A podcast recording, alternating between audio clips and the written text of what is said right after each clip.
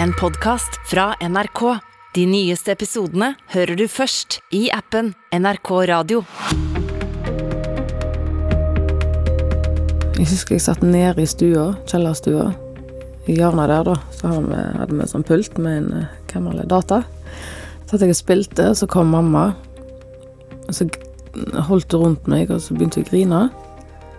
Jeg tenkte, hva er det som skjer, liksom? Og så fortalte hun det at nå Du hadde snakket med barnevernet, og at de hadde funnet et beredskapshjem, da. Pia ble adoptert til Norge fra India da hun var ett år gammel. Men som barn følte hun at hun bare var på besøk hos mamma og pappa. Derfor gikk hun til barnevernet og ba om nye foreldre da hun gikk i 9. klasse. Dette ble starten på en ond spiral som skal sette dype spor hos Pia. Vi ga egentlig faen i alt. Og Jeg hadde ikke kontakt med familien min. Ingenting. Eh, Kutta alt ut. Jeg nesten lese et gatebarn igjen. Det, det var ikke noe liv. Velkommen til Øyeblikket. Mitt navn er Gisle Jørgensen. Historien om Pia starter på ei togskinne i den indiske millionbyen Puna høsten 1990. Da blir spedbarnet på 15 dager funnet av en politimann. Å få ei jente blir sett på som en byrde av mange indiske familier. Derfor er over 99% av alle aborter i landet jentefostre. Pia er derfor heldig som i det hele tatt er i live da hun blir funnet. Det var en politi som fant meg. Eh, Han tok meg med på et sykehus, for jeg var veldig underernært. Så fikk jeg jo hjelp og stell der. Eh, Og så kom jeg til et barnehjem, litt usikker på hvor lang tid det tok imellom. Men jeg var nå ei ganske blid jente. Så fikk du et spesielt tilnavn. Ja, eh, de kalte meg for Shamli, og det betyr skumring, for jeg var den lyseste ungen på det barnehjemmet. Jeg tenker jo i forhold til gjerne hvor i landet jeg kan ha kommet fra, da, eller om jeg har en indisk eh, mamma, og så en pappa fra kanskje et annet land. Jeg vet jo ikke. Det at du ikke vet, hva, hva gjør det med deg? Nei, det er jo mye tanker rundt det. Jeg vet jo ikke hvor jeg kommer fra. Jeg vet ikke hvem, hva gener jeg har. Har jeg andre søsken? Besteforeldre? Hvem er jeg? Hvor er jeg fra? Har du lyst til å dra tilbake igjen og prøve å finne et mer? Absolutt. Det har jeg. Men du har eh, et album Ja. fra den tida. Hva viser det albumet? Eh, Det viser meg og andre barn fra det barnehjemmet. De lekte mye med. Noen av de voksne. Det står stort sett at jeg, eh, jeg har det fint. Leker og koser meg. Pia er 13 måneder gammel da en familie i Haugesund får lov til å adoptere henne. De har ei datter fra før og kan ikke få flere barn. Men da Pia er fire år gammel, blir mamma til alles overraskelse gravid igjen. Og Pia får en lillebror. En lillebror som Pia ikke vil ha. Eh, Jeg likte ikke når lillebroren min kom.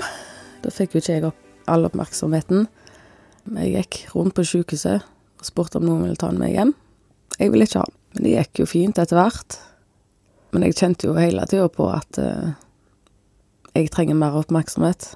Se meg. Jeg var ganske stygg med han. Jeg var det. Jeg tror jeg dytta han ned trappa en gang.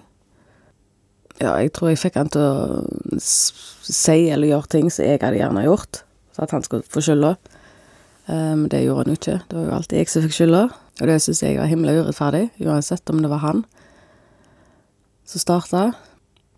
Du fant deg ikke helt til rette, er det rett å si, eller? Ja, på en måte. For jeg, jeg husker det var en periode der jeg følte at jeg eh, Hva skal jeg si, var på besøk. Der jeg eh, gjerne måtte Hva skal jeg si, prøve å tilpasse meg på ny. Jeg gikk jo og sa jeg at jeg hadde vondt overalt. Gjerne i et kne. Det hadde jeg jo ikke. Sant? Eh, Jeg ville ha oppmerksomhet.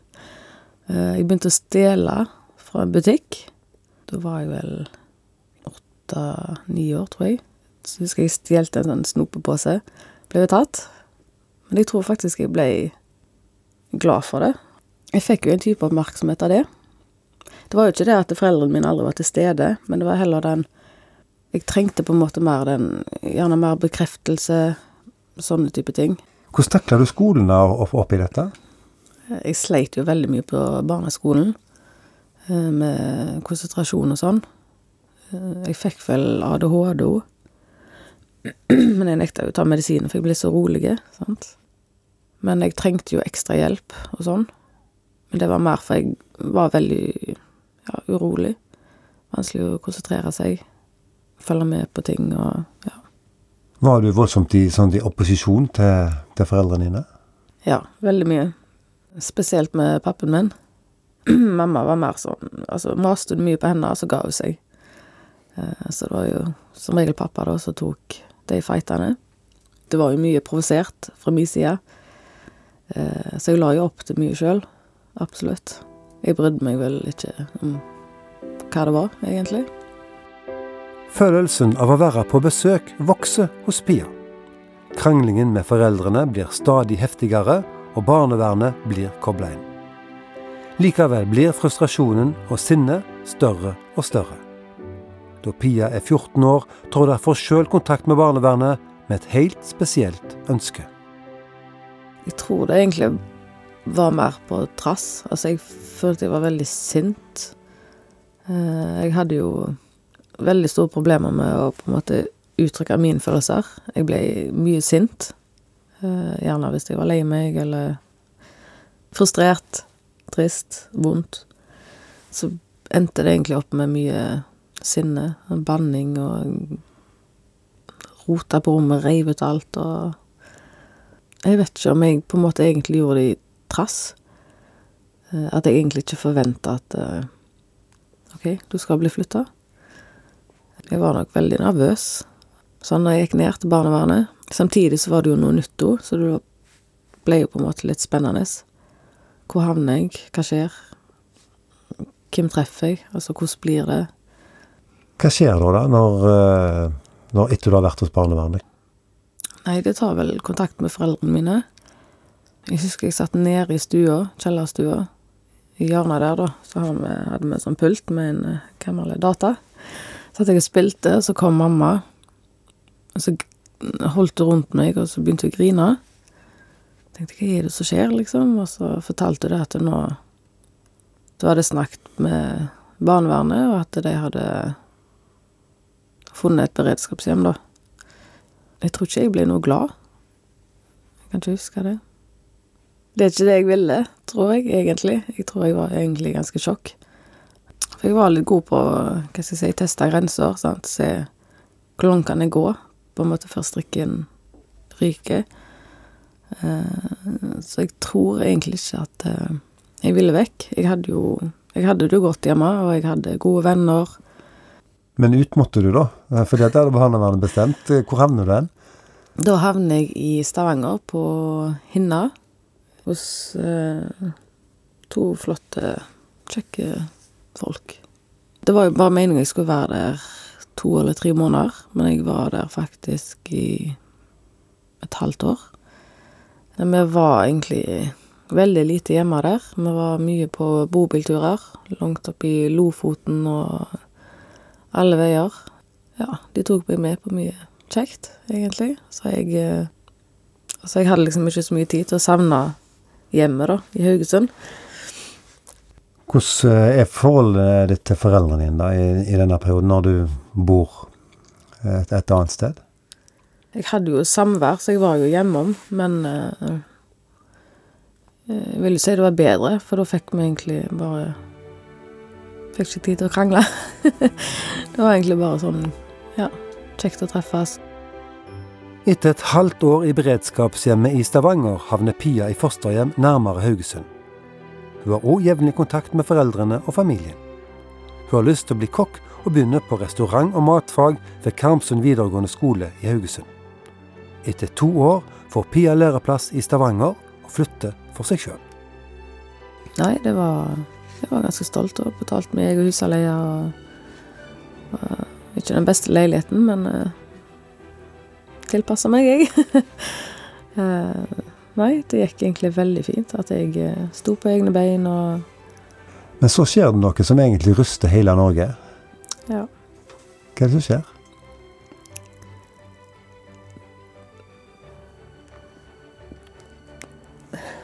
Ja. Um, tortursaken. Vennene sa han skulle drepes og graves ned. 16-åringen fra Haugesund forteller om da han ble torturert.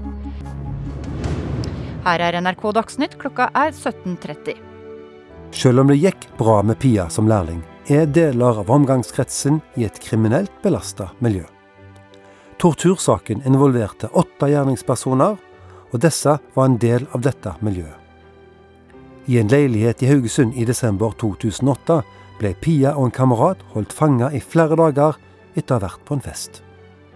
Både hun og kameraten prøvde å rømme flere ganger, men ble enten stansa eller funnet.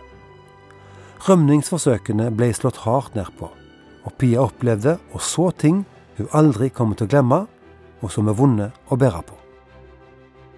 kom jo han hovedpersonen inn. Eh, Jeg husker ikke helt hva han sa, eh, men han var veldig sint. Hvorfor jeg stakk av og sånn type ting. Eh, Så hadde jeg jo pistol, en Glock, Eh, og da var jeg ikke så veldig tøff i hatten. Eh, Og så tvang jeg meg til å legge meg ned i senga, begynte å kle meg, og så voldtok han meg. Og etterpå så måtte jeg bare kle på meg, for da skulle jeg ut i stua. Så ble jeg tvunget til å sitte i en jeg husker det var en kontorstol rett inn forbi inngangen til stua. Og så ble jeg tvunget til å sitte og se på når de, eh, de banka han, slo han med pisk, med ledning.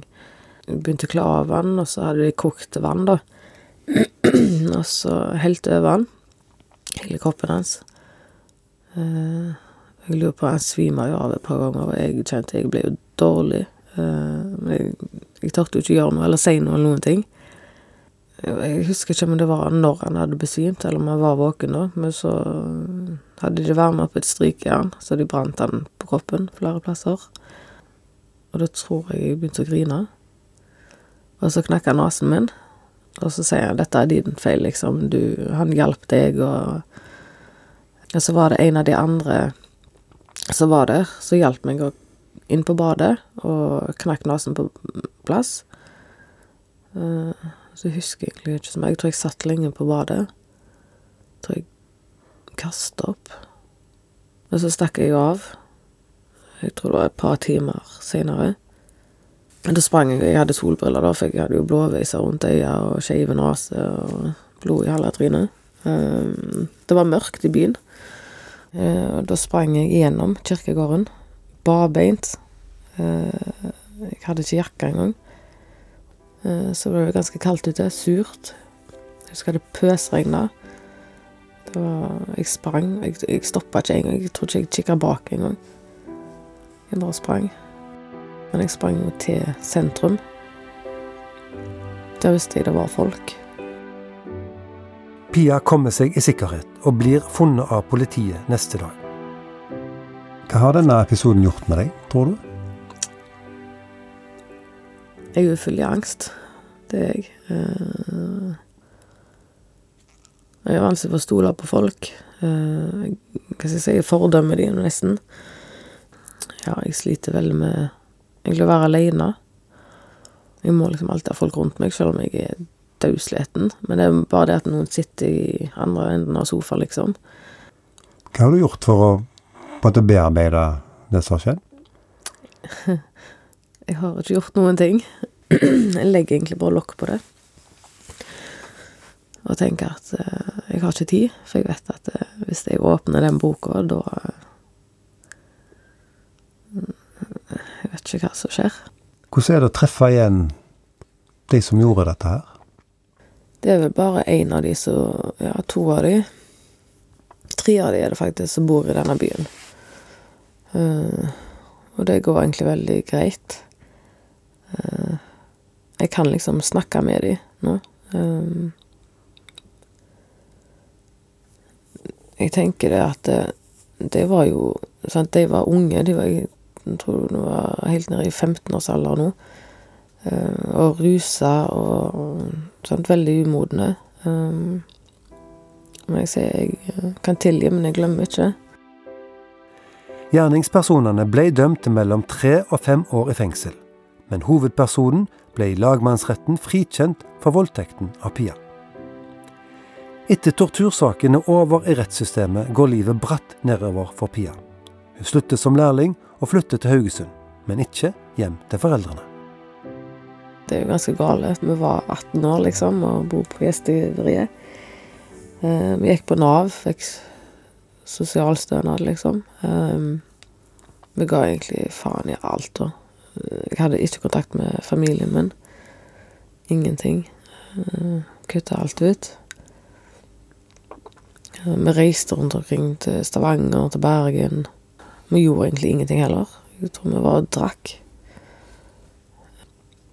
Og nesten lese gatebarn igjen. Det, det var ikke noe liv. Hvordan hadde du det med deg sjøl da?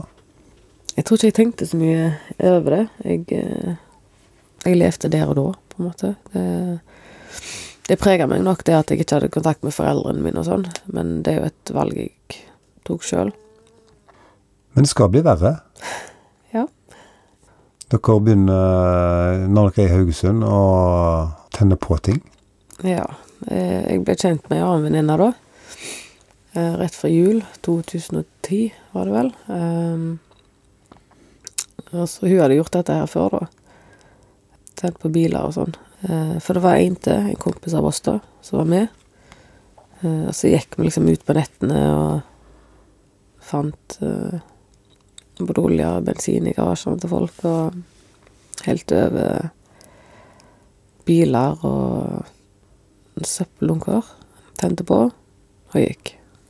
Gikk hjem og la liksom etterpå. sant? Eh, ingen mening. Dette skjedde jo flere netter på rad. Over en lengre periode, mener jeg på. Og så var det noen containere oppe i Valhallgata, eh, og de står jo på en måte litt tett. Sant? Det er flere Det er i forhold til eh, de som bor i blokker. Eh, og så tente vi jo på dem, men så plutselig så begynte det å blåse en del.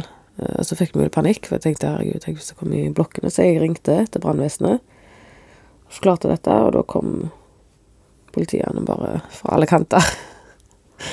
Så da ble vi tatt, og jeg er glad for det. Absolutt. Kan du huske hvorfor dere gjorde dette? Har sikkert med oppmerksomhet å gjøre, det òg. Vet ikke. Men Var det noen form for spenning som drev dere? Det var jo det. Altså, flammer er liksom alltid litt sånn fascinerende. Men um, Nei, jeg eh, tenker du kommer heller tente tent et bål, liksom. Jeg skjønner ikke hvorfor søppeldunker og biler, sant. Hva tenker du om dette i dag? Dritflaut.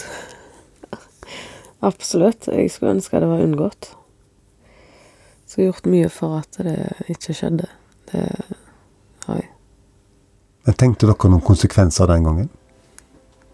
Nei. Ble jo aldri tatt. Da holdt vi jo på. Men vi var jo rusa. Så jeg hadde drukket, og andre hadde tatt narkotika, så vi var jo var ikke edru, for å si det sånn, når vi gjorde det. Så det, nei, det uff. Men så var det på en måte litt sånn Lese aviser da dagen etterpå.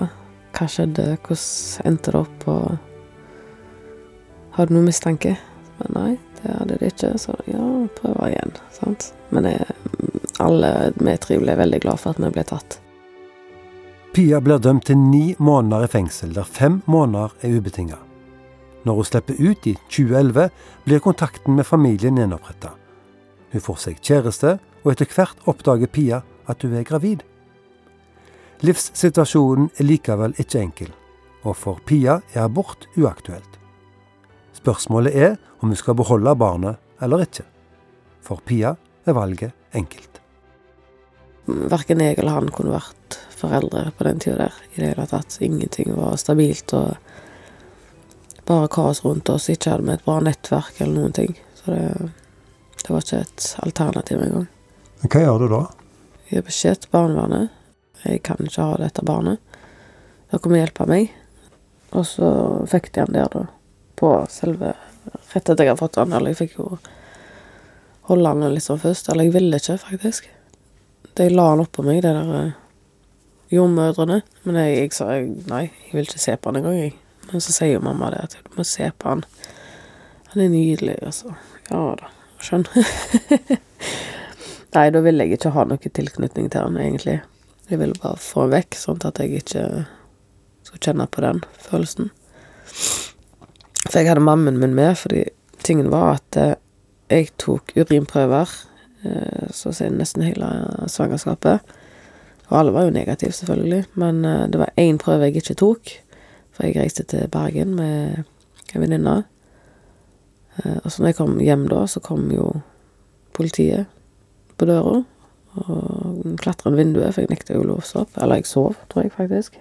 Eh, men det var hun ruskonsulenten jeg hadde på Nav da, Så hadde jeg ringt og gitt beskjed at jeg mista én urinprøve. sant? Jeg var veldig aggressiv, husker jeg, men jeg, jeg tror ikke jeg gjorde noe spesielt. Men det var vel mer verbalt. Eh, så jeg ble jo lagt i ei seng med sele over magen og henda, høygravid. Så jeg tenkte, øh, var jo enda mer forbanna. Så ble jeg jo kjørt til eh, Stavanger dagen etterpå av politiet. På sånn avrusningsplass, holdt jeg på å si. sant? Jeg, og alle der borte sa herregud, du har jo ingenting her å gjøre. Eh, Jeg satt liksom med tunge rusmisbrukere og sånn, så det var sånn veldig kleint. Ja, så han eh, eldste ble født i Stavanger, da. Hva er forhold til gutten din på ti i dag? Eh, Det er veldig lite kontakt. Eh, Jeg snakker, eller mammen min snakker vel mer med mora hans enn meg. Eh, Men vi har jo hatt en del samvær, og det har jo vært veldig fint. Jeg ser jo at han har det bra, og det er det viktigste for meg. Eh, Så han har det veldig fint der han er. Eh, Så jeg har egentlig aldri tenkt tanke på prøve å få han hjem til meg, egentlig. Det, Men så blir du fort gravid igjen. ja, Men da bestemmer du deg for at eh, nå Ja. Nå er det nok. Jeg må sette ned foten. Jeg kan ikke holde på sånn lenger. Det, det blir for dumt, egentlig. Ti år etter at Pia gikk til barnevernet for å få nye foreldre, tar hun altså et nytt valg som på ny skal endre retning i livet. Jeg ser jo på vennekretsen jeg hadde der og da. Eh, hvordan det går med deg, og jeg vil ikke ende opp sånn, egentlig. Det, jeg vil ha et liv. Jeg vil ha en framtid. Familie, jobb, stabilitet. Eh, ja. Noe som jeg ikke hadde i det hele tatt. Så det er egentlig eh, godt at du blir gravid og kan ta det valget. Ja. Det redder meg, egentlig. Det kom jeg vekk fra alt. Jeg hadde en unnskyldning til å kutte ut uh, venner som jeg egentlig ikke ville være med henne. Uh, men jeg sa nei, nå er jeg gravid. Jeg skal Jeg uh, sletter deg. Jeg eh, skal ikke ha noe kontakt med noen, egentlig. Det, og jeg skal prøve å komme krypende til foreldrene mine igjen, egentlig.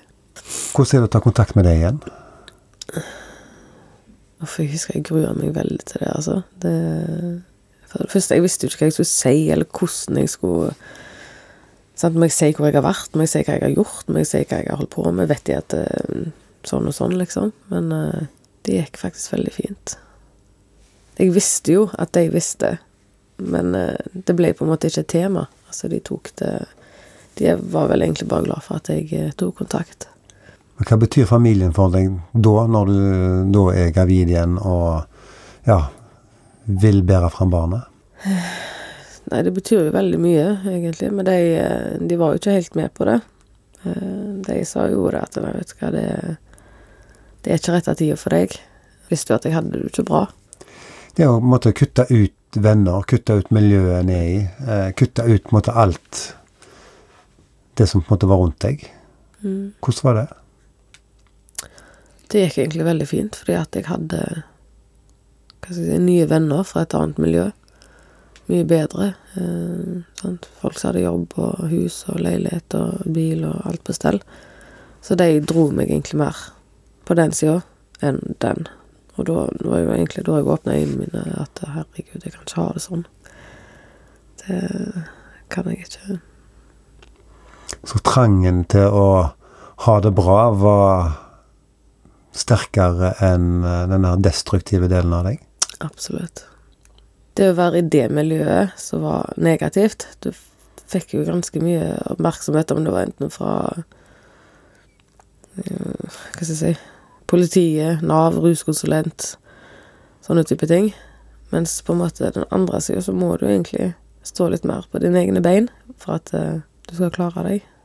Det var jo egentlig ikke et alternativ egentlig å gå tilbake der, til det dårlige miljøet. Tvilte du noen gang på at du hadde evnen til å stå på egne bein? Mange ganger. Det var mange ganger jeg tenkte at vet du hva, jeg klarer det ikke, jeg klarer det ikke. Eller jeg trenger hjelp. Men så er det sånn Hva hjelp trenger jeg? Hvor skal jeg spørre om hjelp? Hva skal jeg spørre etter? Eh, nei, drit i det. Gå videre, sant? Det bygger seg bare opp. Det som er problemet med meg. Jeg eh, tar ikke alltid tak i problemene der og da. Jeg skyver det vekk, men det forsvinner jo ikke. Hva gjorde du den gangen da, for å ta tak i problemene? Jeg tror jeg ba om hjelp på DPS. Jeg tror jeg hadde to eller tre timer der jeg fikk snakket litt om forholdet, forhold til tortursaken og han eksmannen min og sånn, men så på tredje dagen, da, så var det sånn Ja, jeg hadde tenkt å ta livet av deg. Så jeg nei. Ikke i det hele tatt. Nei, men da, da trengte jeg ikke komme her. Så OK. Det var det. Det er anslagsvis 80 millioner foreldreløse barn i India. Og små jenter blir ofte gifta bort som barnebruder eller solgt til prostitusjon. Pia lurer ofte på hva slags liv hun hadde hatt om hun ikke hadde blitt adoptert til Norge. Derfor kontakter hun barnehjemmet hun bodde på, og via barnehjemmets Facebook-side kom vi for noen år siden i kontakt med en helt spesiell person. Jeg spurte, eller at jeg var Når jeg var der. eh, Og det var jo fra 1990 til 91, i hvert fall. eh, Om det var noen andre som var der. Og så skrev han at han var der der og da. Eh, Om han ikke kunne sende meg en melding, da. Eh, Jo, er bare koselig, det, liksom. Og så begynte han å skrive, da. For jeg spurte han om han hadde et indisk navn. Skrev han Ja, han ville jo egentlig ikke si det, for det var liksom litt sånn flaut og sånt. Og så skrev han nå til slutt at han heter George. Og så jeg bare sånn tenkte jeg, det har jeg hørt før. Så gikk jeg eh, i albumet min fra India, da, og så bladde jeg opp, for der står det jo altså det er masse bilder, og så står det liksom navnene på de barna.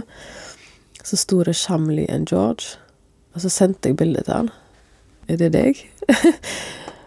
ja, det er meg. Jeg tenkte herregud, nei, du tuller, liksom. Og så, nei, så utveksla med bilder da fra albumene våre. Ganske sprøtt, egentlig, for det var sånn Det er på en måte det nærmeste jeg kommer fra Eller til India, da. Han er den eneste jeg si, I forhold til at jeg ikke mm, kan finne biologisk familien min, så er på en måte han det nærmeste. Jeg gikk vel og sa det at nå har egentlig ei brikke falt på plass. Um, jeg får egentlig Hva skal jeg si litt mer ro. For jeg um, Jeg har jo funnet meg i at jeg, jeg har ikke sjans i verden om å finne biologisk familien min. Men jeg har allikevel på en måte funnet noe. Selv om det ikke er biologisk, så er det min første lekevenn. Ja, Hvor, hvor er George i dag? Han bor i USA, i Indiana. Han er politi. Så har han to barn sjøl. Dette ble forlova, så vi har jo kontakt ennå. Det. Det er veldig kjekt. Det er liksom ja, Hva skal jeg si Akkurat som en bror. Har du lyst til å møte han? Det har jeg. Kanskje det er han du skal reise til India med, da? Ja. Nei, vi har faktisk snakket om det. Besøke barnehjem og sånt. Så det Kanskje det skjer en dag. George, eller Samuel som han heter i dag, er blitt en viktig person for Pia. Men det er det også andre som har blitt. En kveld på et utested i Haugesund møter hun den store kjærligheten. De gifter seg og får to jenter, men fortsatt er det skjer i sjøen for Pia. Det var jo veldig god følelse, egentlig. Altså Den tryggheten, omsorgen og sånn han ga meg. Jeg var ikke så flink til å ta imot det. Jeg var veldig sånn Altså, han kunne sitte og si 'Åh, så fin du er i dag', sant. Og så tenkte jeg 'herregud'. Jeg har nettopp stått opp, håret mitt står til pise, sant, sånn, sånn, så jeg eh, Men jeg har liksom alltid slitt med å ta til meg sånne ting, for jeg tror det ikke sjøl. Så det har jo vært mye sånn egentlig småkonflikter i forhold til det, da, at, eh, at han har jo gitt alt av seg sjøl, men jeg, eh, jeg avviser det. Jeg klarer ikke å ta det inn, på en måte. Og så er det den der spørsmålet hele tida jeg trenger jeg, Altså, jeg trenger bekreftelse på en måte hele tida. Altså, så det ble jo veldig vanskelig i slutten. Uh, ja. Ja, for det, det endte ikke så bra. Nei. Nei, nå er vi separert, uh, men vi er gode venner. Vi er det. Vi stiller opp for hverandre og Men det å kunne da skape sin egen familie, som du har gjort nå, hva har det betydd for deg? Det er jo ganske sjokkerende at jeg har klart det, egentlig. Eh, Samtidig så jeg tror det var egentlig veldig skremmende også, å ha en person der hele tida. Jeg er liksom vant med å alltid være alene, eller sant, altså bo alene, så å si sove alene, og Men det har liksom alltid vært en der. Og det er jo på en måte det jeg har trengt òg, sant. En trygghet og Ja, stabilt, ikke minst. Hvordan har du det i dag, da? Jo, det var fint. Nei, altså, jeg eh, Jeg sliter jo med angst. Det gjør jeg. Altså, jeg reagerer på minste lyd i forhold til altså, om ei dør smeller, eller noen som skriker, eller høye lyder. Ikke ungene, da. Er det noen som hever stemmen, eller et eller annet, så får jeg, sliter jeg med hjertebank og blir jo dårlig. Men ellers så går det jo greit, egentlig. Nå skal jeg begynne i behandling, og nå har jeg bestilt meg time til psykolog. Så venter jeg på den. Så får vi ta det derfra, egentlig. Satser på jeg får begynne å bearbeide dette styret her. Ja, for du har opplevd mye. Jeg har det. Men når du ser du har blitt mamma sjøl, skjønner du noe av måte, hvorfor og hvordan dine egne foreldre var for deg da du var liten? Absolutt. Det gjør jeg. Og det er veldig trist at jeg ikke har sett det før. Jeg er egentlig veldig glad for at det var sånn som det var. Hvordan har du det med foreldrene dine i dag? Veldig fint. Vi har nesten daglig kontakt, og vi er oppom der jevnlig, egentlig. Men har du prata med foreldrene dine om den vonde tida? Nei. Det har jeg ikke. Kommer du til å gjøre det? Jeg vet ikke. Jeg tror faktisk ikke det. Hvordan er forholdet til lillebroren din i dag, da? Mye bedre. Det er det. Veldig glad for at jeg har han. Han er liksom min store lillebror, holdt jeg på å si. Men det er vel etter jeg fikk barn sjøl, at jeg begynte å Hva skal jeg si Være takknemlig for familie. At jeg forstår litt mer om hvordan det er. Men du tok jo et valg en gang om å gå til barnevernet og, og, og be om måte nye, et nytt hjem, et nye, nye foreldre.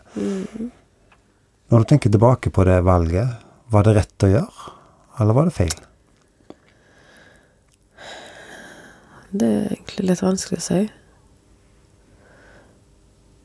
Jeg tror det var rett. I forhold til um, Det er jo ikke sikkert jeg hadde gjort det like bra på videregående, eksempel. Eller funnet meg en lærlingplass. eh, Hvis jeg skulle hatt det så turbulent som jeg hadde det hjemme. Eh, Men eh, nei, jeg eh, tror egentlig det var veldig bra. For det kunne egentlig gått enda verre. Jeg tror det. Det, det tror jeg.